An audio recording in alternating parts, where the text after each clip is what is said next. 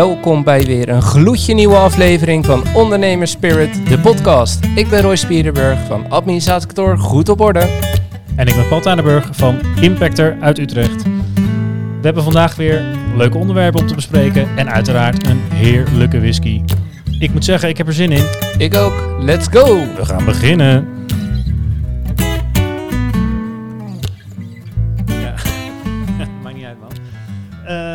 Ja, let's go. Waar zijn we? De zesde aflevering alweer. Zes alweer. Ja, dat gaat hard. Ehm, en eh, jij hebt lekker een weekje niet op kantoor gewerkt, maar eh, uit een vakantiehuisje. Uit Goed een vakantiehuisje. Ja, dat is op zich wel prima bevallen. We zaten in, eh, in, in Brabant. En Stephanie zit in de ene laatste week van de verlof. Dus die wilde graag nog even met de kinderen op pad. Nou, En ik kom er eigenlijk niet aan toe om, om aan het bedrijf te werken op het moment dat ik ja, onderdeel ben van, van de werkvloer, zeg maar. Dus ik dacht, weet je wat ik een keer ga doen? Ik eh, ga ook eh, modern en hip doen. Ik ga gewoon een, eh, een workation, zoals dat heet. Ja, in eigen land, heerlijk. In eigen land. Ja, nou ja, goed, dan weet je in ieder geval wat de coronaregels zijn. Dus dat, die, die veranderen ook om de haverklap. Dus dat, dat heb ik gedaan, dat beviel wel. Nou, Ja, nou, lekker. Je kon denk ik een dagje langer blijven, of niet? ik kon zeker een dagje langer blijven. Want het idee was eigenlijk om, om donderdagavond naar huis te gaan. Om vrijdag onderdeel te zijn van het legendarische whiskyfestival. Ja, wat een drama. We weten allemaal hoe dat gelopen is. Ja, ja niet. Het liep niet. Nee, het liep niet. Nee, nee ja, dat, dat was wel heel zuur.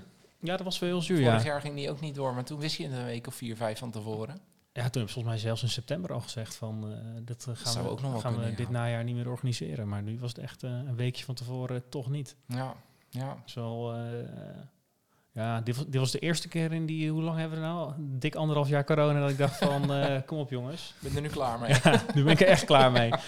Ja, nee, het was verschrikkelijk. Dus dat eh, wel een dagje langer, maar dat, eh, ik, ik had hem graag een dagje korter gehad. Ja, dat, dat snap ik. Ja, ik moet zeggen, ik kon daar nog wel een dagje werken. Het was best een productieve dag, maar ik was ook- agenda natuurlijk. Ja, maar ik was liever op het, op het whiskyfestival geweest eigenlijk. Ja, En dat, ja, dat is niet echt beste leiderschap hè, van, nee.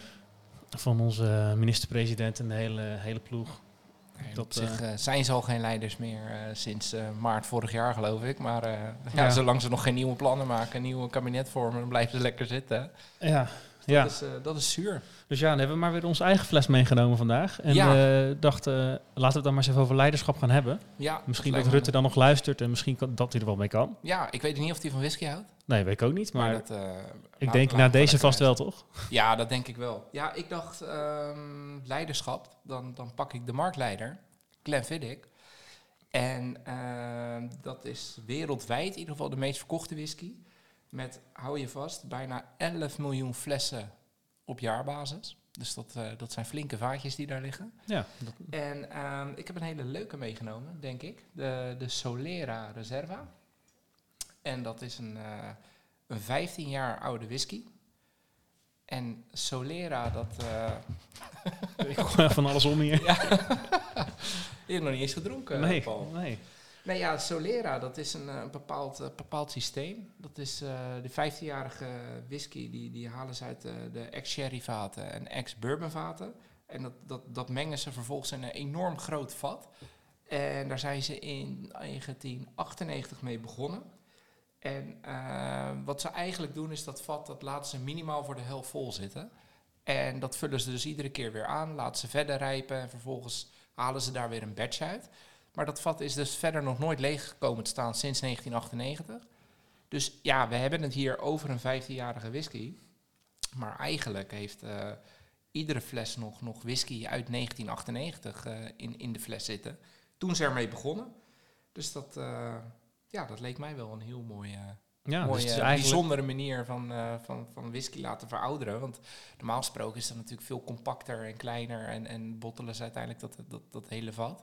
Maar dat is dus hier niet aan de hand. Wat ze wel doen is op het moment dat ze weer een partij uit dat grote vat halen, dan eh gooien ze het in een wat kleiner vat, wat compacter, voor nog een paar maandjes. Het stond niet bij precies hoe lang. Ehm, en vervolgens bottelen ze dat dan allemaal af op, eh, op 40% alcohol. Ja, om het te laten trouwen noemen ze dat geloof ik, hè? Dat, Ja. eh, uit verschillende vaten. Ja. ja. Dus de verschillende vaten moeten met elkaar trouwen. En Ja. dan krijg je deze prachtige, mooie, mooie whisky. Nou mooi, laten we even naar eh, ons eh, proefboek gaan. Ik heb hem weer meegenomen. Zullen we meer steen schenken? Oh, ja. Goed idee. Komt-ie hoor. Ja. Mooi weer dit. Maar dan gaan we hem toch echt even keuren hoor. Ja, dan gaan we hem zeker keuren. Kleurtje kunnen we wel wat over zeggen. Ja, We zeker. hebben, we hebben het boekje. Fijn dat je hem bij je hebt. Ja, Ja, dat, eh, dat waardeer ik. ja.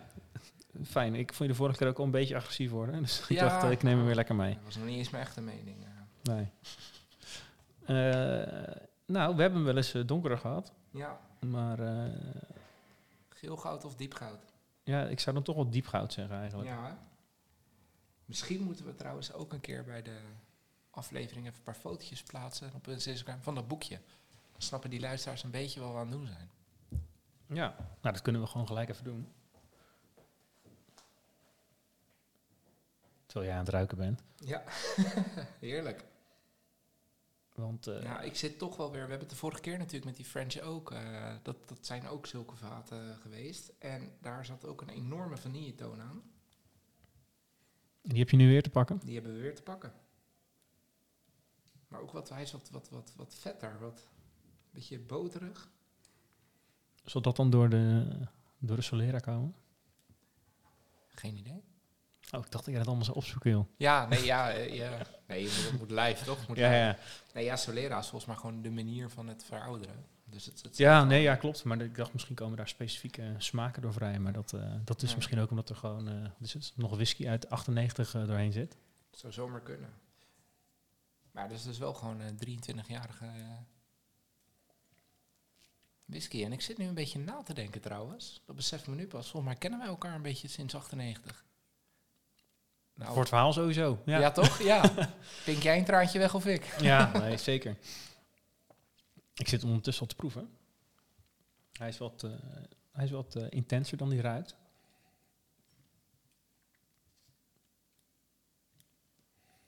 Qua smaak dan in ieder geval. Ja. Ik ben de vanille ook wel een beetje kwijt. Ja, die haal ik ook niet meer eh, uit de smaak inderdaad. Het is wat meer noterig, een beetje kaneel. Het gaat meer die kant op. Ik ga nog een slokje nemen. Doe dat. Ja. Je hebt er tenslotte ingeschonken. Hè? Ja, daarvoor kun je natuurlijk niet drinken. Nee, ja, ik vind hem wel een stuk eh, kruidiger, wat, wat, wat noteriger dan, dan dat. Hij ruikt veel zoeter dan dat hij proeft. En ik vind hem ook niet per se heel zacht voor een oude whisky. Nou, ik had Nee. hem veel zachter verwacht. Maar hij brandt ook best wel na. Ja, ik, eh, ik associeer het altijd met, eh, met houtig, dit. Ja, Die, eh, een beetje dat, dat scherpe. Dat, eh, ik- ja, ik weet niet of, of jij dat ook herkent, maar ja. dat Ik- is eh, de beste omschrijving die ik dan kan geven. Nee, ik, vind hem, ik vind hem wel lekker, maar hij is wel een stuk, stuk...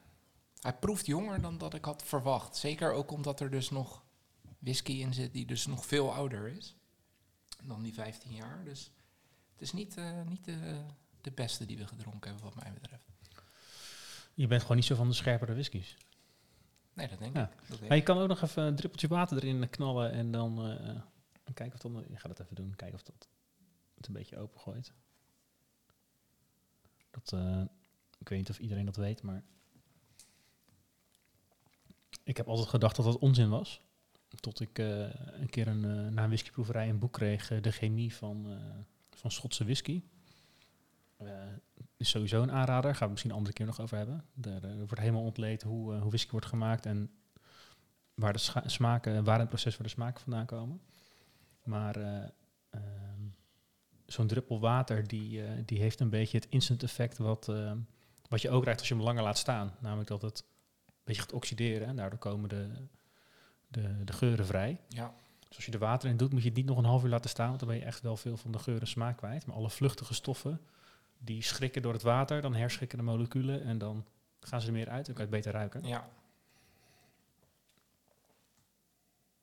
Het is wel bijzonder hè, dat je met een paar druppels water eigenlijk een, nou ik zal niet zeggen een andere whisky proeft, maar het, het heeft wel veel meer, er komen wel veel meer smaaktonen naar voren, eh, Ja. naar boven. Ja, en vooral de geur hebben we dan, eh, dan, eh, dan altijd. Ja, Ja, maar, ja, ik ben het met je eens. Hij is wat, wat scherper dan ik had verwacht. Ja. En, ja, niet verkeerd. Maar, Nee. eh, we, nou, laat ik zo zeggen, de French Oak die je de vorige keer had meegenomen met beter, hè? Thomas, die, was, eh, die vond ik ook lekkerder. ja, ja. Dus sorry voor de, de liefhebbers die luisteren, maar eh, Maar ja, goed, Wi- William Faulkner, die in het boekje staat, die zei het al. Er zijn geen slechte whiskies. Nee, precies. Alleen sommige zijn gewoon beter. Ja, we gaan er alsnog gewoon van genieten. Gaan we er alsnog van genieten. Heerlijk. Nou, dan eh kunnen we denk ik eh, over leiderschap gaan hebben, Paul. Precies, we hebben een leiderschapswhisky. Uh, leiderschapswhisky. Hebben we ook nog wat inhoudelijks te melden over leiderschap? Weinig. Moet je nog een glaasje? Ja. Ja, we hebben nog wat eh, te melden. Ik, ik denk het wel. Ik heb van de week heb ik een. oh, trouwens, als we het toch over leiderschap hebben. Ik ben deze, deze week nog niet, nog niet formeel. want dat moet namelijk altijd via zo'n hele officiële ledenvergadering. De Maar, ALV, eh, wie kent hem niet? De ALV, ja. Iedereen die met besturen te maken heeft gehad, die kent hem wel. Eh, maar ik ben, ik ben toegetreden, in ieder geval vooralsnog dus waarnemend. En eh, ja, een beetje stemmetjes winnen en dan als het goed is ook voor, voor, voor het EGI. tot, de, tot het bestuur van, van een ondernemersvereniging in, in Leiden-dorp. Waar we tegenwoordig ook een vestiging hebben met, met goed op orde. Dus dat, ehm, ja, een bestuur is denk ik een, eh, een mooie vorm van, eh, van leiderschap. van ja. leiderschap. Dan moet je in ieder geval iets van leiderschap tonen. Dat, ja, toch? Ja, Ja. nou ja, en, eh, en blijkbaar schatten ze, me, schatten ze me daarop in. Dus daar, daar gaan we dan maar voor. En dus dat, dat, is, dat is zelf wel heel tof. En eh, ja, dat zal misschien ook wel een stukje ervaring en, en ouder worden te maken hebben. Dus ik voel me nu wel oud dat je ineens voor dat soort functies gevraagd wordt. Hè? In plaats van voor jong aftakkingen van Ja, ondernemersverenigingen zit je ineens in het bestuur. Maar dat, ja, dus dat lijkt me wel tof. En dat is een beetje eh, Leiden-dorp, Leiden, de- die werken samen. Maar eigenlijk de kern is Leiden-dorp en alles wat er omheen hangt. En events organiseren, ondernemers bij elkaar brengen, presentaties, dat soort dingen eh, fixen. Dus Uitjes voor de ondernemers in de regio. Zeker, ja, dat is wel het idee. Ja. Ja. Dus het zijn 200 leden, dus er zijn er altijd wel een paar geïnteresseerd in de onderwerpen die je aandraagt. Ja, mooi. Denk ik. Ja, we hebben het natuurlijk al wel eens over gehad, maar de, zoals jij weet werken we ook met een eh, groep eh, klassici samen in Nederland, eh, wetenschappers. En eh, daar komt een schitterende tentoonstelling van in het Rijksmuseum van Oudheden in Leiden over eh, Domitianus, Kijk, eh, met als titel God op aarde. Eh, en eh, daar zit dus heel veel eh, leiderschapslessen zijn daaruit te halen volgens deze, deze klassici. Eh, dus ja, hè, als het, het zou leuk zijn natuurlijk als eh, de, de groepje ondernemers vanuit de ondernemersvereniging Leiderdorp daar, eh, eh, daar een keer een avondprogramma eh, ja, zouden willen doorlopen. En dan eh, kan je privé de tentoonstelling door met die hoogleraren, lesje leiderschap. En eh, ik had nog nooit van deze man gehoord. Hij is eh, maar liefst 15 jaar keizer geweest eh, van het eh, Romeinse Rijk. oké. Nee, dat, het zegt mij ook niks. Tenminste, Nee. Caesar en eh, Ja, Augustus geloof ik, hè. En dan houdt het wel een beetje op. Nero misschien nog. Nee, oh ja, Nero. Ja, ja, Ja, als je misschien kom je wel weer. Maar Domitianus had ik eh, nog niet echt eerder Nee. gehoord voordat ik met eh, eh, deze onderzoekers samenwerkte. Maar we kennen wel allemaal dingen die hij heeft gedaan. Want hij is verantwoordelijk voor het afmaken, dan wel bouwen van enorm veel gebouwen in Rome die nu nog steeds het aanzicht bepalen, waaronder het Colosseum. Oké. Dus het is wel iemand die wat heeft nagelaten. En hij was ook echt, eh, hè, dit lees ik allemaal op de site van eh, de Rijksmuseum van Oudheden. Eh, hij was keizer in een enorme bloeiperiode van het Romeinse Rijk. Maar toch is hij vermoord en na zijn dood bespot en verguisd en uiteindelijk vergeten. Dus het is niet zo gek dat we hem niet kenden. Door, eh door degenen die na hem keizer waren. Dus het is een... Geen goed leiderschap gewoon. nou ja, dat is dus, dat is dus de vraag. En dat, nou, dan kan je dus mede op de tentoonstelling kan je daar dingen, dingen uithalen als je Tof. In ieder geval begeleid wordt door je hoogleraar. Ja. Die kunnen er heel veel over vertellen. Ja. Dus dat, eh, dat gaan we regelen dat het, eh, dat het kan. Nee, gaaf. Ik, eh, ik zal hem daar opgooien. Mooi. Dat lijkt me heel goed. Ik ben trouwens nog wel even één dingetje vergeten net. Wat dan? Als we het over leiderschap hebben. Ja. Het Nederlands elftal gaat naar het WK Ja. als poolleider van de pool. Hè? We hebben gewonnen. We, Ja. we En praten hoe, en we. Ja, Ja, als we hadden verloren was het ze, maar ja, nu, is het we. Nu is het we, precies. Maar dat stadion eh, waarin gespeeld werd, de machtige Kuip, en ik als Feyenoord-fan kan dat eh, enorm waarderen natuurlijk. Maar er kwam een statistiekje voorbij. Ja. Mag jij raden wat de laatste kwalificatiewedstrijd is geweest die ze verloren hebben in de Kuip? De laatste. Ja, Ja, je lijkt er blij mee, dus het zal vast wel heel lang geleden zijn. ja, ja, ja, Of- ja. Of, eh, ja, ik zou het echt niet weten, joh. Maar Nee? dan, dan ga ik gewoon maar gokken dat het echt, pff, ja, wat zal het zijn? Negen- 19, eh, geen idee, man. Nee? Jaren 80. Ja, nee, nee, nee, niet zo lang, maar ik, ik ging wel helemaal stuk. We waren erbij. Nee, oh man. Ah, het, het fluitje. Ja, ik ben eh, één keer bij het Nederlands elftal geweest. En dat, dat was met, eh, met jou, Paul, en, Ja. en, en onze vaders. eh, via de lokale voetbalvereniging. eh Shout-out naar SV ARC in Alphen. Ja, wat een tijd was dat. Dat was september 2000, dus dat is 21 jaar geleden. Dat was de allerlaatste verliespartij. Ja, Dat dit had ik moeten weten, want ik was dat is ook gewoon gewoon. de enige keer dat wij geweest zijn. Ja, Oh man, hoe krijg je het voor elkaar? Ja, 0-2. Twee keer Luis Figo volgens mij. Ja En, en dus ehm, omdat eh, iemand eh, op de tribune floot, waardoor de Nederlandse elftalspelers dachten van... Die- Hey, die er wordt stopten af- ermee. Er wordt afge- ja, Ja, ja. ja, daar waren wij gewoon bij. Daar waren wij gewoon bij. En, en ja, ja, ik was het al lang vergeten. Maar sindsdien gewoon niet meer verloren. Ja, Ja. dat is toch mooi. Ja, dat is eh, mooi. Ja. Misschien moeten wij gewoon niet meer gaan. Zullen we dat doen? Ja, gewoon lekker thuis Om, kijken. om meerdere redenen overigens. Maar dat, eh, dat, dat vind ik. ja, precies. Nee, Ah. ja, dus, eh, maar goed, we zijn er weer bij het WK, jongens. Eh, we hebben ooit in de trailer geroepen dat we het ook over voetbal gingen hebben. Dus eh, bij deze. Ja, bij deze. Ook weer gehad. Ja, nou, dat is ook nog wat te koppelen aan leiderschap natuurlijk. Want er is al wat te doen over... moeten er nou wel of niet uitspraken of acties worden gedaan door Van Gaal als bondscoach en de spelers? Of moet je dat lekker aan de KNVB laten, omtrent de werkomstandigheden in Qatar? Ja, Ik eh, weet niet of jij er een mening over hebt in termen Nou, van goed leiderschap.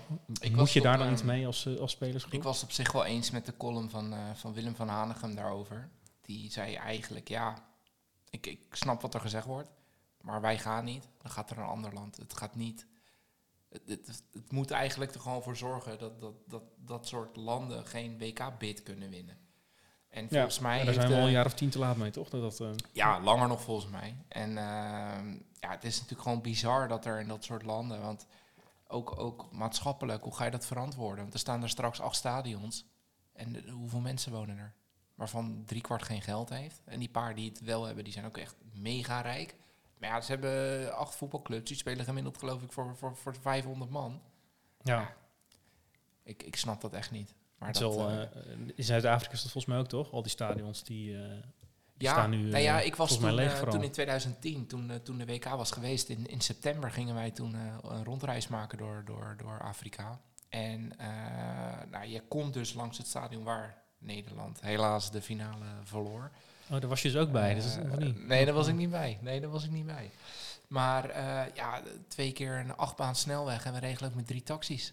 En echt net naast die snelweg enorme townships en ellende. En, en ja, dat, ja, ik snap echt niet hoe je, dat, hoe je dat kan doen. En ik snap ook wel dat je niet ieder toernooi in Europa wil houden. Maar ja, kijk in Engeland, Duitsland, eh, daar zie je ook gewoon... Daar, daar, daar Dat is wel bestaans- Europa, hè?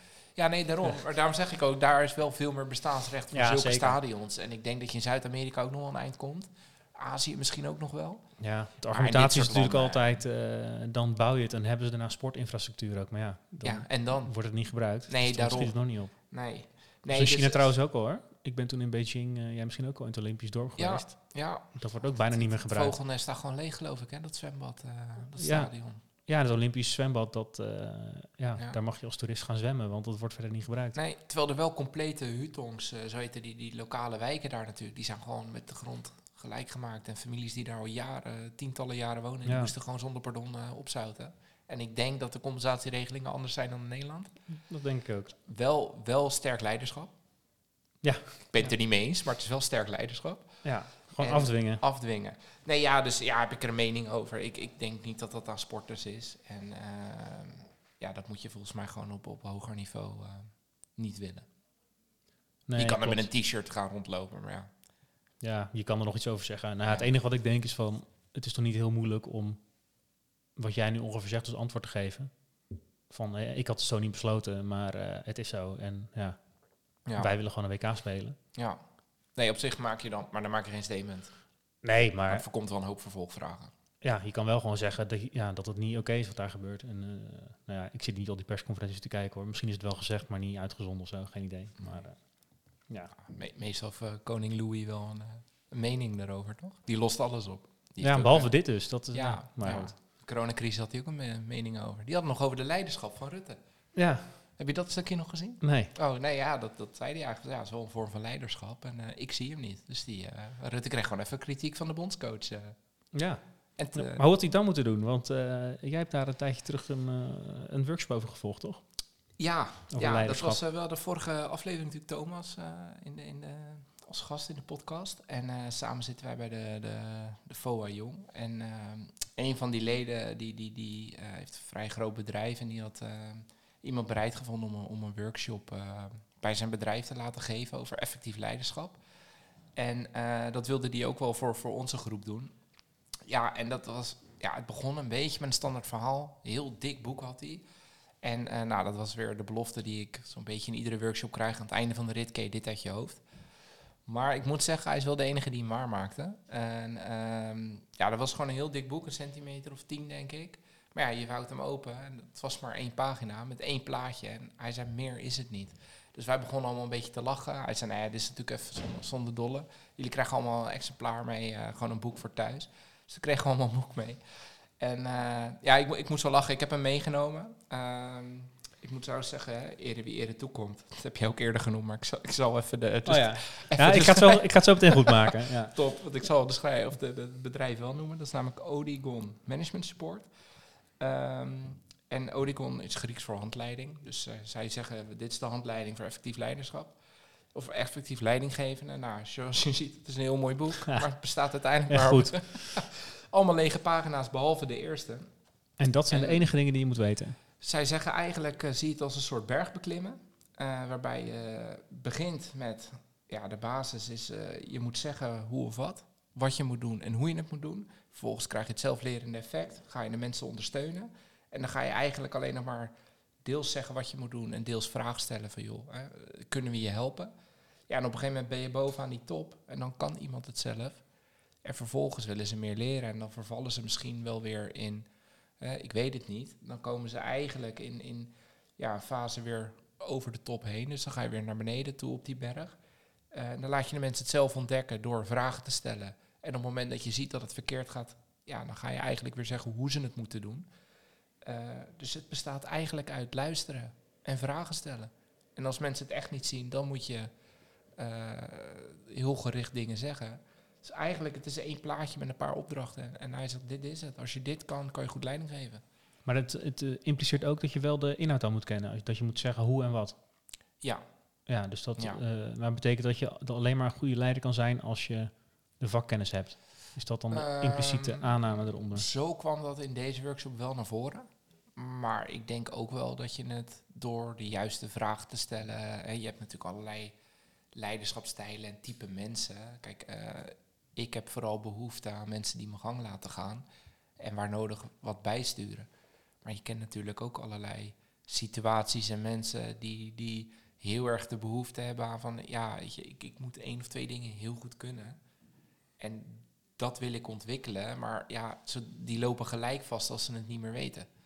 En um, dus ik denk dat het, ja, het is in de basis één plaatje, maar ik denk wel dat het natuurlijk heel erg verschillend in te vullen is. Ja. Qua situatie, mensen met wie je te maken hebt, taken. Um. Er zijn natuurlijk heel veel manieren ook uh, hoe je mensen kan sturen, hoe je een vraag stelt, op welk moment. Zeker. Uh, in de groep of ja. één op één. Ja, dat, en externe deadlines en druk. Dat, ja. dat stelde ik uh, die, die avond ook. Ik zeg ja, op zich ben ik er enorm voorstander van om mensen het zelf te laten ontdekken. Maar als ik weet, we hebben het de vorige keer over gehad, eind oktober moet dit en dit ingeleverd zijn. Ja, en het is 28 oktober, dan heb ik echt geen tijd om mensen vrolijk te laten denken van joh, hoe werkt het? Nee, dan, dan zeg ik gewoon zo ga je het doen. En dan kijken we volgende week wel van joh, waar ging het nou mis en, en uh, hoe hadden we het anders kunnen doen? Hè? Of, of, of, hoe had je het zelf aan willen pakken? Ja, dus ja, de les in het evalueren. Wel, precies. En, en, en dit is wel heel erg gericht op, op de ultieme uh, manier en, en mogelijkheden zonder externe deadlines en druk. Ja. Maar ja, zo werkt het in de praktijk natuurlijk niet. Tenminste, nee. vaak niet. Dus ook deze workshop was er een utopie, is nu de conclusie. Ja. Maar nee, je kent nee, wel het hele boek. Ja, ja precies. Ja. ja. ik ken wel het hele boek. Nee, ik vond, hem, wel, ik vond hem wel heel interessant. En uh, het mooie is, ik heb vorige week ook een, uh, een boek uitgelezen over Trump. Die heb ik van een uh, gezamenlijke vriend van ons gekregen. We hebben nu de afspraak met elkaar gemaakt dat voor elkaars verjaardag op een gegeven moment heb je alles. We gaan elkaar een, een boek geven met een korte quote aan de voorkant. En dat was een boek over Trump. En over, dat gaat over de periode jaren 80 tot aan de het winnen van de presidentsverkiezingen. Oh ja. De tijd dat hij het uh, geld van zijn paarden doorheen jaagde. Uh, of, uh. Ja, ja, precies. Alleen hij noemt dat dan binnen self-made man, oh, ja. self-made man. En ja, het is echt bizar hoeveel hij verkloot heeft. En, en, en toch een imago had van een succesvolle ondernemer. Als je dat boek leest, dus, nou, als je het over leiderschap hebt. Hij heeft één stijl, dat is de, de, de Donald J. Trump-stijl. En ja, teken door leave it, maar je moet met hem mee. En, en hij zet iedereen tegen elkaar op om er zelf... Hij draait alles in zijn voordeel. Ja, het is echt heel interessant om te lezen, maar het is eigenlijk een godswonder dat die man bedrijven heeft gehad. En, en op een gegeven moment had hij had heel veel casino's in Atlantic City. En ehm, hij kwam erop uit dat hij al zijn kamers het hele jaar vol moest hebben voor 1500 dollar per nacht. Dan zou hij kiet draaien. Ja, welke debiel doet die investering? Ja. ja. En hij deed het gewoon, want hij had heel die berekening niet gemaakt. Dus ja, dat, hij wilde dat, gewoon een casino in Atlantic City. ja, wat dat was voor zijn imago van de rijke, succesvolle uh, meneer met, met jonge vrouwen aan zijn zijde. En dat was belangrijk. En ja, en of het uiteindelijk onderaan de streep winst opleverde, was het probleem van de banken die hem financierden. Ja. En niet zijn probleem. Ja. ja. Het is bizar. Echt bizar. Eigenlijk alles voor het eigen ego, niet voor... Uh, ja. Geen leider voor het bedrijf, gewoon leider voor jezelf eigenlijk. Ja, nou, hij was echt maar met één ding bezig en dat was zijn image. En daar, daar moest alles voor wijken. En ja, het, het, is wel heel interessant om te lezen. Maar nogmaals, het is echt een, een, een godswonder dat die man president is geworden. En ja, dat iedereen erin bleef trappen om hem te financieren. Dat ja. is echt, echt waanzin eigenlijk. En ik weet niet hoe het nu zit, maar volgens mij krijgt hij, wordt hij nog steeds gefinancierd. Ja, dat denk ik wel. Dus dat... Uh, Ex-presidenten krijgen sowieso gewoon nog een uh, enorme toelage, toch? In de jaren daarna. Geen idee. Sowieso de beveiliging moet betaald worden. Dus. Ja, dat is waar. ja, toch? Ja. Maar volgens mij is hij ook uh, goed geld en zieltjes aan het winnen onder republikeinen die, die vinden dat hij de volgende keer weer ze moet leiden naar de overwinning. Ja. ja. Nou, we gaan meemaken. We gaan het ik denk dat wij er nog wel gaan meemaken, ja, de volgende verkiezingen in Amerika. Dat, hoop, ik wel, ja. Ja, dat hoop ik wel, ja. Dat hoop ik wel. De kans dat Trump hem niet meer meemaakt is groter qua, qua leeftijd. Die is ook 80 of zo. Daar ga ik wel van Eind 70. Dus uh, ja, is niet normaal. Nee. Niet mijn manier van leiding geven. Nee. En wat is dan wel jouw manier van leiding geven? Goeie vraag. Ik, ik, ik zei het, toen dacht ik, kut, daar komt hij. Inkoppertje. Ja, ik, ik ben wel heel erg uh, van de zelfsturende medewerkers. Deels omdat ik het heel vervelend vind als mensen mij continu op mijn huid zitten en vertellen wat ik moet doen. Dus dat doe ik ook niet bij anderen. Ja. En dat is wel grappig, hè? Dat is heel vaak zo. Als je iets zelf niet chill vindt, dan doe je het ook niet zo snel bij anderen. Nee, maar dan Ook al wil diegene dat misschien juist wel. Juist, dat is dus het gevaar. Ja. Ik, ik, ga daar ook heel erg van uit dat, dat mensen dus ook tijdig dingen aan mij vragen slash uh, durven te vragen. Want het is toch ook wel, een, tenminste vond ik vroeger altijd wel een dingetje om dan toch bij de de, nou, de directeur, om dat zo mooi te zeggen, naar binnen te stappen om te zeggen, joh, ik snap het niet. Of, of, en ik moet zeggen, dat valt bij onze mensen wel mee. Jullie hebben eigenlijk gewoon één open ruimte, toch? Waar iedereen werkt, ook jullie? Ja. Je hebt niet een directeurskantoor of je dergelijks. Dat, nee, nee, nee, nee, nee, helemaal niet. Nee. het is bij ons echt uh, gewoon, gewoon één ruimte. We hebben wel wat aparte werkplekken, maar dat is meer bedoeld omdat je dan gefocust kan werken. Ja, uh, nee, maar ik bedoel, het is dat is ook een soort van, uh, ook al staat de deur open, is toch een soort van fysieke drempel. Om, Zeker. Want dan ga je echt naar het kantoor van de directeur toe. Ja, ja nee, klopt. En dat, dat hebben wij helemaal niet. Maar dat is wel uh, direct ook het nadeel. Is dat je dus ook continu gevraagd en bevraagd wordt. Waardoor je dus heel lastig jezelf kan afzonderen. Ja, daar heb je dan de stiltewerkplek voor. Ja, ja. ja klopt. Maar uh, daar ga je ook niet elke keer zitten. Nee, maar we hebben het de vorige keer met rustpakken uh, als ondernemer natuurlijk ook al over gehad. Dat is als jij met een heel kort antwoord iemand verder kan helpen, ja, dan doe je dat. En dat is ook wel een beetje hoe wij dan dat leiderschap uh, doorvoeren, zeg maar. Ehm, maar ja, dat, dat maakt wel dat ik uiteindelijk elke keer degene ben die niet aan zijn werk toe komt. Ja, ja ik moet ik heb ook wel eens een, uh, een uh, workshop gehad. Dat was in, in, het, in de context van, van coachen. Ik heb een paar zomers lang heb ik een ondernemers summer school gecoacht. vanuit, het, vanuit een klimaatprogramma in Europa. Dus er werden allemaal studenten die geïnteresseerd waren in klimaatverandering en daar ja, studies deden naar windtechnologie of gewoon analyseren hoe klimaatverandering is ontstaan. Uh, die kreeg dan in vijf weken tijd een uh, soort van masterclass uh, start, een, start een bedrijf. Mm -hmm. En dan moesten ze ook echt zelf een, met een idee komen, businessplan maken, pitchen uiteindelijk. En dat hadden ze als ze meegingen? Of was nee, nee, dat, dat hele programma... Daar. Ja, ja, het was echt twee weken inhoud krijgen van de locatie waar je was. En dan twee weken een team maken en aan een, aan een idee werken. En de laatste week was een plan opleveren en, en pitchen.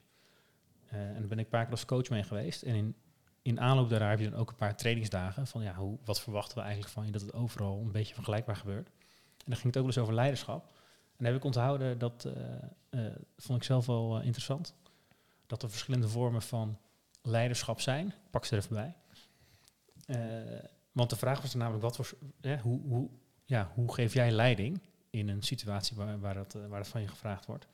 En er was, eh, je kan eh, eh, leiden van, van voren, van achter, vanaf de zijlijn of ja, van, vanuit centraal, vanuit het midden. Vanuit midden.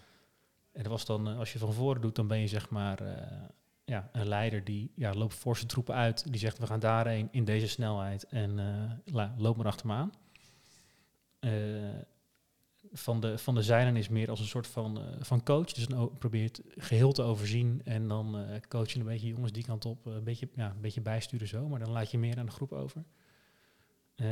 En van achteren ben je echt motiverend naar voren aan het duwen, zeg maar. Dus dat is meer, je gaat ervan uit dat degene die, ja, ik weet niet, de meest inhoudelijke kennis hebben, dat die het zeg maar inhoudelijk kunnen trekken. En dan zorg je vooral dat er niet te veel afvallen van de groep, zeg maar. Ja. En centraal, dan ben je meer ja, onderdeel van de puzzel als het ware. En dan help je wat meer inhoudelijk actief ook mee Ja, om Meer een de doelen te bereiken. eigenlijk. Ja. ja, en dat... eh, eh, En waar stond je? nou ja, dat moest je dus zelf zeggen. hè. Met een borrel aan de bar. ja, ja, dat is aan de zijlijn dus Ja, eigenlijk. lekker. Ja. Nou, nee, maar dat was best wel lastig, want in verschillende situaties wordt ook verschillend soort leiderschap gevraagd, denk ik. Soms moet je even voorop lopen van, oké, het gaat nu de verkeerde kant op, we gaan deze kant op. Eh, maar ik denk van nature ben ik eerder meer de ja, zijlijn van achter, motiverend, uh, coachend, denk ik eerder dan... Uh, uh, ik zal niet bij in een nieuwe groep bijvoorbeeld, of als ik een workshop moet geven, dan eh, dan moet je altijd eventjes dat leiderschap van voren vertonen, zeg maar. We gaan vandaag dit doen, we gaan deze kant op en dit, dit tempo. Maar daarna ga ik het liefste naar de rol van... Vind je er zelf van? Ja, precies. Ja. ja.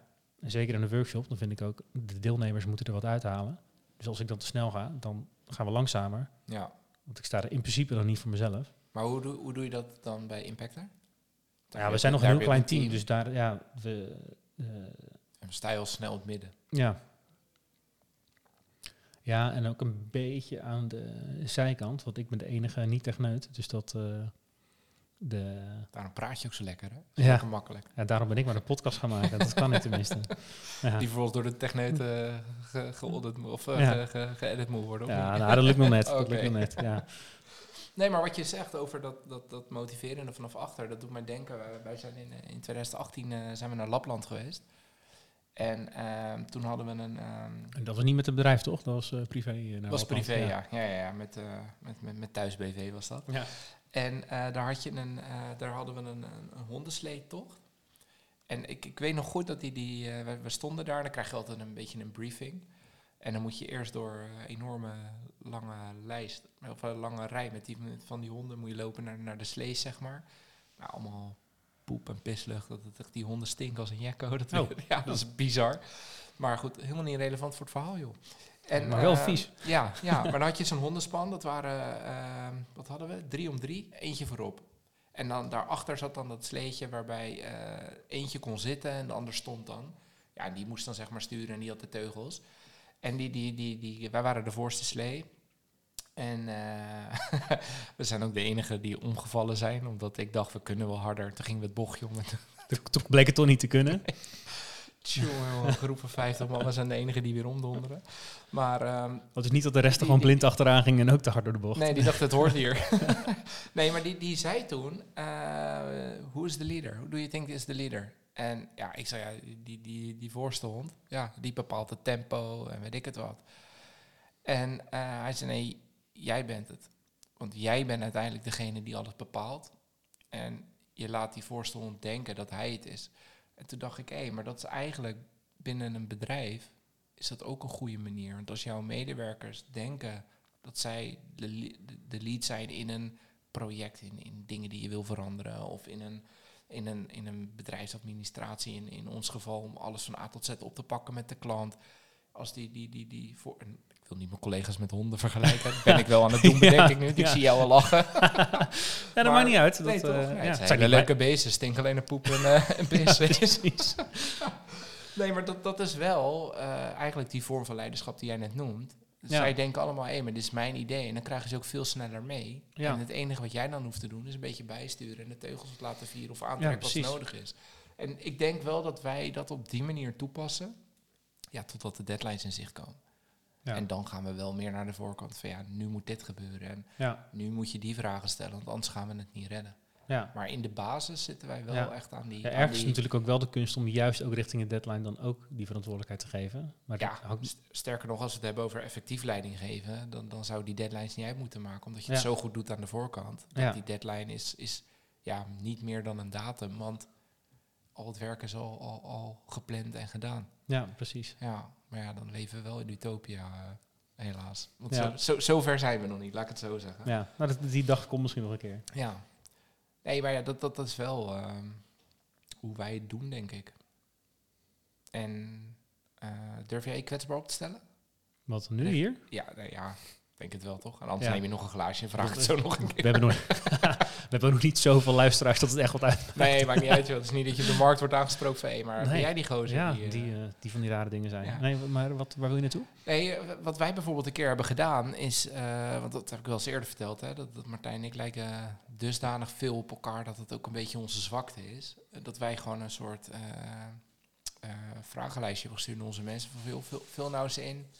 Wat vind je dat goed gaat? Wat doen we niet goed? Wat hadden we anders kunnen doen? Eh, gewoon heel eerlijk, open en kwetsbaar. Van, joh, eigenlijk vroeg je gewoon veel, beoordelen jullie nou eens ons functioneren? Ja. Nou, daar zag je heel duidelijk signalen naar voren komen. Wat ik goed doe en wat ik verkeerd doe. Wat ik zelf eigenlijk ook wel weet, maar dan wordt dat ook wel bevestigd. Bij Martijn precies hetzelfde. Maar daar kwam wel één opmerking naar voren. Dat we eigenlijk te veel als meewerkend voorman bezig ja. waren. Dus veel te veel in het bedrijf. En niet zozeer aan het bedrijf. Dus het wel meer, ze konden wel vol op ons vertrouwen. Alleen soms missen ze een beetje van waar zijn we over drie, vier weken. En dat hebben wij allemaal wel in ons hoofd. Maar dat Ja, deelde niet we dan te ja. weinig. Of, of dat bleek te weinig uit de, uit de stappen die, en de communicatie Dus eigenlijk werd er gewoon gevraagd van eh, jullie moeten even iets meer voor de troepen gaan lopen. En Precies. zeggen welke kant gaan we op. Ja, terwijl Ja. wij juist dachten er enorm goed aan te doen door midden in de troepen te lopen, door te helpen, zodat niemand overliep van het werk. Ja. Of, of minimaal overliep van het werk. Ja, En dat wordt dan eigenlijk op die manier kaart, nou niet afgestraft, maar wel aangegeven, ja dat is leuk. Maar we hebben er veel meer behoefte aan Ja. dat jullie het anders doen. het zegt wel iets over, eh dus ook weer eigenlijk wat anders natuurlijk, de cultuur van het bedrijf, dat mensen dat wel eerlijk invullen. Ja, Want dat, we hebben Ja. wel eens, eh, eh, we hebben wel eens een coach waar we dan mee, ehm, eh, mee praten over waar we tegenaan lopen. En die, die zei een keer van, in mijn bedrijf had ik altijd een externe vertrouwenspersoon. Maar je kan nooit tegelijkertijd en de baas en de vertrouwenspersoon zijn, omdat dat eigenlijk conflicterende rollen zijn. ja, Dus je kan mensen inhuren eh, en die komt dan eh, één keer in de maand of zo langs. En dan gaat iedereen even met diegene praten. ja, En dan krijg je een soort van geanonimiseerd van die vertrouwenspersoon van hey, dit zijn signalen die nu naar voren komen. Eh, dat werkt natuurlijk alleen maar als je nou ja, vanaf een bepaalde grootte. hè, Want ja, ja, als er maar twee of drie medewerkers zijn, dan kan je het waarschijnlijk vrij goed inschatten waar welk signaal vandaan komt. ja dat, dat hadden wij dus. Want Ja. het was wel anoniem, maar ja, we hadden zes mensen die het invulden. Ja, dan weet je heus wel van, oh ja, maar dat is dat akkefietje geweest. Ja, Ja, wij doen het nou echt eh, één op één. Dus als we een, eh, een, gewoon een voortgangsgesprek hebben, dan, nou ja, dat lijkt mij sowieso raar. Maar volgens mij is het heel ouderwets om dan te zeggen, nou, we zijn tevreden over je, dit en dit doe je goed, dit en dit kan beter. We proberen het eh, veel meer in te steken, echt als een gesprek van, wat vind jij dat er goed gaat in het bedrijf? ja, Eh, wat vinden wij dat er goed gaat in het bedrijf? veel meer vanuit het perspectief van het bedrijf. Ja, maar, en, maar ook vanuit het perspectief van de werknemer en vanuit het perspectief van ons. Ehm, en niet alleen maar dat de baas even komt zeggen hoe het gaat, maar dat je dat echt als een, eh, als een dialoog eigenlijk doet. Ja, Maar ja, dat, misschien hebben we geluk dat het nu toe werkt. Ik kan me ook voorstellen dat sommige mensen... Nou, het niet ligt trekken wel- of zo. Het ligt een beetje aan de mensen die je hebt, denk ik. Ja, dat denk ik ook. Ja, Want wij hebben ook wel open en eerlijke mensen. Maar als je natuurlijk een beetje schuchter bent of, of, of je vindt dat spannend. Wij hebben ook wij, wij hebben mensen die waren stagiair en die zijn daarna bij ons in dienst. Ja, wij, wij hebben mensen lopen die zijn 20, 21. Hun eerste echte baan. Eh, ja, dan snap ik best wel dat je een beetje terughoudend bent in je, in je mening geven. Alleen Ja. wij proberen dat wel op te lossen door gewoon heel eerlijk en open te zeggen. Veel, we worden niet boos als je het zegt. Want ik heb, ben er veel meer bij gebaat als jij het naar je zin hebt en goed ondersteund wordt. ja. Ja, en ik vind het dan wel grappig, of nou ja, grappig confronterend eigenlijk, dat je denkt van we gaan er middenin staan, want dan helpen we ze het meest. En dat je dan eigenlijk terugkrijgt van, hé, hey, ja, dat, dat is fijn. Maar alleen als wij het nodig hebben. We hebben het niet zo vaak nodig als dat jullie het doen. We hebben veel liever dat jullie voor de troepen uitgaan. Ja, Of hè, vanuit achter die, die sturing geven aan, aan, aan eh, dan ga ik toch weer de vergelijking trekken, aan, Ja. aan die hondenspan. ja. Je, terwijl, terwijl je denkt, ja, als ik een van die honden ben, dan, dan help ik mee. Ja, precies. Ik moet wel met die honden denken aan eh, dat plaatje. Komt onder zoveel maanden komt het weer eh, heel veel bij op LinkedIn met die lolven. ik word er helemaal ik, gek ik- van. Ja, ik weet precies. Ik, ik had Ja, je weet- ja. erbij met die drie achterop. En, ja, ja, wat gewoon onzin is. Het is echt een bullshit verhaal. Oh, echt? Ja, zo lopen die wolven helemaal niet. Oh, Dat is gewoon ja, echt... ik kom niet zo heel vaak een groep wolven tegen. Nee, nou, ik toevallig wel. Ja? ja ik zou je vertellen. Nee. John de Wolf kwam ik een keer tegen. Oh, ja, ja. die woont in Leiden-dorp. Oh, kijk. Is die ook lid van de ondernemersvereniging? Of Nog niet, eh, als nog eh, niet. assistent-coach van Feyenoord? Nee, niet telt dat niet. Nee, tel niet. Eh, nee, maar het is dus onzin. Dat staat ook heel vaak onder die berichten erbij. Van ja, leuk verhaal, maar ja, eh, zo werken die wolven niet. En ergens maakt het ook niet uit. Want als, hè, de moraal van het verhaal is een mooi moraal. Een mooie moraal over hoe je leiding kan geven. Ja. Maar ja, toen je zei die, die honden, moest ik er gelijk weer aan denken van ja, er worden ook vaak gewoon eh, slechte metaforen gebruikt eh, ja. als het over leiderschap gaat. Ja, ik vond deze wat, eh, wel treffend. Als ik, eh vond, je, vond je het geen goede metafoor? Met die wolven, Nee, van die hondenspan. over die honden.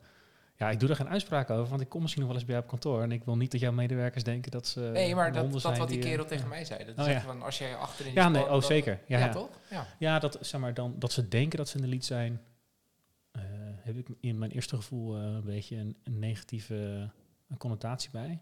Dat je een soort van misleidt dat ze denken dat ze in de lead zijn. Ik, ik zou het misschien eerder verwoorden, ik snap wat je bedoelt hoor, maar ik zou het misschien eerder verwoorden als dat ze het vertrouwen krijgen en het gevoel hebben dat ze, dat ze in de lead zijn. Ja, Ja. precies. Ja, ja, maar zo... Maar ja, je wordt natuurlijk wel aangestuurd als... eh, die honden worden echt heel letterlijk aangestuurd. Ja. En teruggetrokken als je zegt eh, stoppen. Had je het maar gedaan, die bocht. ja, en het was koud ook, jongen. Er lag twee meter sneeuw. Ja, Ja, dat duurt wel even dat je dan weer op temperatuur bent. Nee, maar het is veel meer dat... ehm, inderdaad, je, het, het is niet dat je mensen misleidt om in de lead te zijn, maar wel... Je krijgt ze wel sneller mee, omdat je... Het is hun idee ook. Ja, En dat proberen wij ook als wij dingen willen veranderen. Bijvoorbeeld, we zijn nu helemaal bezig met een, met een nieuw planningstool. Ja, voordat wij daar een keuze in maken, vragen we eerst aan de mensen, joh, A, denken wij wel terecht dat we dat nieuw moeten doen? En B, wat missen jullie allemaal in de huidige? En dan Ja. is het veel meer hun project. En dan hebben zij ook het idee van, hé, maar ik durf ook wat te zeggen tegen Roy, want als ik eerlijk ben, dan wordt er ook wat mee gedaan. Ja. En ik denk als je die cultuur hebt, maar dat is denk ik sowieso een keer een leuke, leuk Cultuur, item om het ja. apart over te hebben. Ehm, dan, dan krijgen ze wel veel meer mee. En dat, dat, dat is wel wat ik ervan geleerd heb. En dat is heel Ja. stom, want dan ben je ergens op reis en dan zegt iemand het gewoon van nee, maar jij bepaalt waar we heen gaan. Dan denk ik, hé, maar dat trek je dan wel op je bedrijf. ja. Dat vond ik eigenlijk gewoon mooi. ja, en het aansturen is dan natuurlijk ook, zeg maar, je bepaalt wel welke vraag je stelt en hoe je hem stelt. Dus je wil zeggen, wij Ja. willen graag een nieuwe planningstool, want we missen dit en dit en we willen graag dat en dat kunnen, want we willen ons bedrijf daar naartoe. Geef daar eens feedback op, maar dan heb je stiekem natuurlijk eigenlijk al De keuze gemaakt dat je nieuwe wil. Ja, maar je hebt ook al een soort van gedefinieerd, zeg maar, binnen deze paden eh, willen we graag dat je meedenkt. Ja. En zeg gerust als je denkt dat er nog een zijpaadje bij moet. Ja. Maar eh, eh, het, is natuurlijk niet helemaal een open vraag. Maar Nee. dat is denk ik ook goed, hè? Dat is denk ik het leiderschap. Je zegt van wij willen hier naartoe en hebben da- daar dit voor nodig. Ja, omdat uiteindelijk is het ons sturingsmodel Ja. om, om, om alles binnen de, de deadlines en, en de juiste volgorde te doen. Ja. First things first. Absoluut. Ik heb nog één probleem met mijn glas, zie ik nu. Dat die leeg is. Ja. Ja. Moet, je, moet je nog een beetje? Nou, laten we maar doen. Ja? Hier. Hoppa, we hebben twee flessen. Ook zo goed in die vorige, hè, dat die Thomas ineens zegt, moet je, moet Ja. niet inschenken. Ja. En een slokje nemen. Ik zat net opeens te denken, hè, we hadden het in het begin even over eh, het leiderschap van, eh, van Rutte, waardoor wij niet meer eh, naar het Whiskyfestival konden. Ja. Maar eh, jij hebt een keer met hem gedineerd, toch? Zo, ja. Ja, nee, ja, dat klopt. Dat was voor, eh, uiteindelijk voor Martijn, mijn kompion, wel de reden om te zeggen, joh, kom er definitief bij. Ja. Ja, nee, dat was een, eh, een van onze klanten zat bij de, bij de Jong VVD.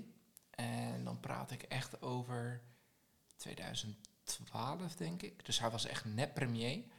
En we zitten daar, eh, dus wij waren er op uitnodiging, allemaal bedrijven, superleuk, borrelen. Ehm, en toen wa- was met diner en dan zou, zou Rutte, er, wa- er was er nog een van eh, de afdeling Noord- en Zuid-Holland en dan, en dan Mark Rutte zou daar komen. waren allemaal tafels van, van tien mensen, vaste tafelindeling. Nou, ik ben vrij loslippig en ik, vind, ik kan heel makkelijk contact maken, maar met, echt met netwerken heb ik wel altijd even zo'n momentje nodig. Ja, ja. En, eh, en ik was natuurlijk ook gewoon tien jaar jonger, dus ik was begin twintig. Halverwege twintig bijna, ik moet niet liegen. Shit. die Je was eigenlijk bijna 30. Nee. ja, ja, ja. ja. nee, maar toen, eh, dus ik zit ze te kijken, denk shit, ik zit niet naast Martijn. Dat is de enige die ik ken hier, oh, dat, wordt, dat wordt wat. Maar ja, ik zei, joh, weet je, we gaan gewoon allebei ons bedrijf promoten. En eh, ik zit naar die tafelindeling te kijken. Ik zei, dus ik loop naar Martijn. Ik zei, jij raadt nooit, jij raadt nooit wie er naast me zit. En toen heb ik echt twee, tweeënhalf uur of zo heeft hij naast me gezeten. En eerst gaf hij wel een stukje soort presentatie over Hoe je moet eten. Nee, Nee. nee, nee. Daar zal hij ook vast een mening over hebben. Maar wel over, over wat het nou inhoudt om, om, om ja, leider, pr- premier te zijn.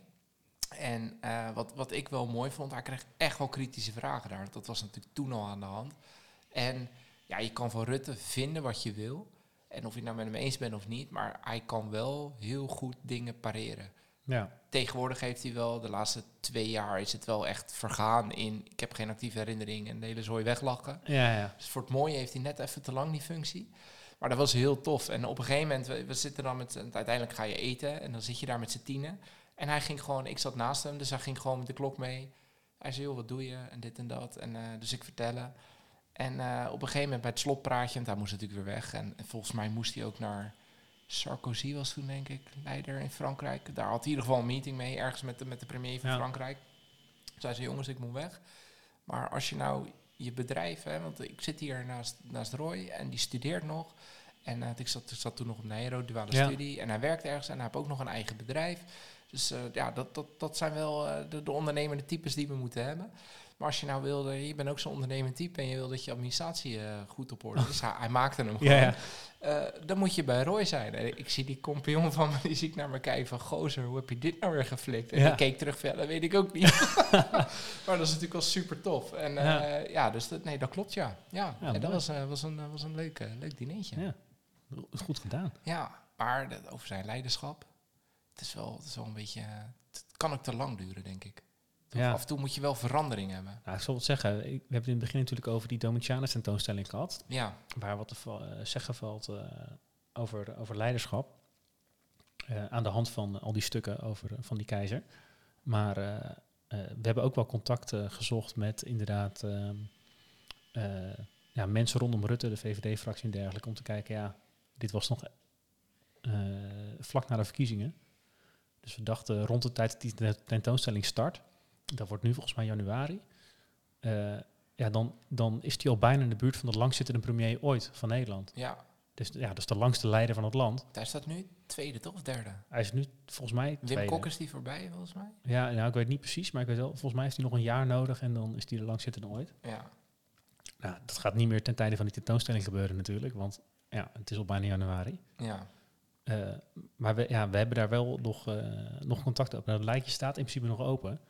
Met het idee van ja, als er straks een kabinet komt, hoe vet zou het zijn als het kabinet ook die tentoonstelling eh, langs gaat en ook een presentatie over leiderschap krijgt van die hoogleraren aan de hand van al die stukken van die Domitianus tentoonstelling. ja. Ja, misschien kan hij er nog wat lessen uit, uit meepakken voor het laatste Zorg- jaar voordat hij de record pakt. Zorgen dat hij niet verguisd wordt en bespot wordt Ja. als hij weg is. eh. Maar ik heb eh, begrepen dat hij, eh, hij heeft natuurlijk geschiedenis gestudeerd. eh, en dat hij alle Romeinse keizers eh, kent. Is mij toen aan de telefoon verteld. Waaronder Domitianus ook. Oké. Dus eh, nou, we hebben fingers crossed dat, eh, dat het nog gaat lukken natuurlijk. Het zou wel heel vet zijn als je Ja, dat toch? voor elkaar krijgt. Ja, Ja. ja, dat zou mooi zijn. Tof. daar gaan we voor. hey, zal ik... eh, ik weet niet of je nog iets over leiderschap wilde zeggen. Maar anders dacht ik, ik kan misschien naar... Sterk verhaaltje. sterk verhaal, ja, de legende van, van de dag. Lijkt me goed.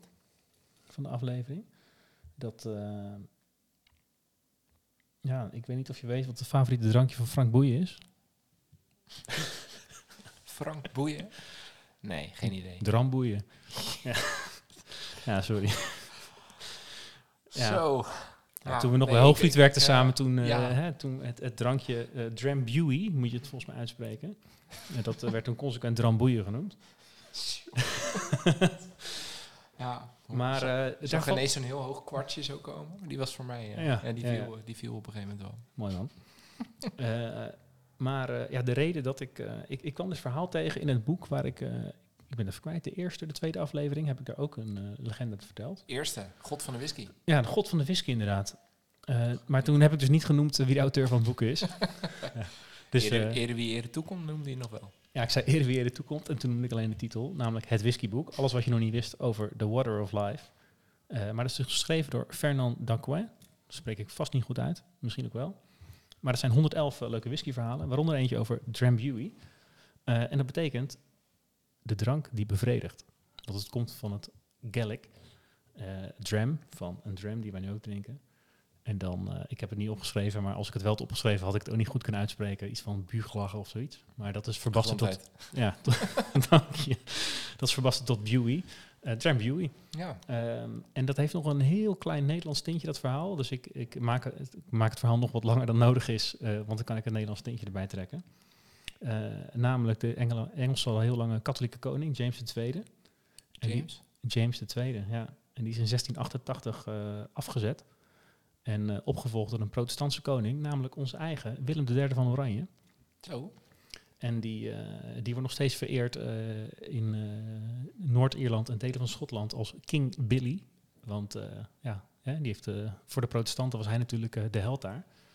Ehm, maar dat zorgde er wel voor dat de nakomelingen van James II geen koning meer waren.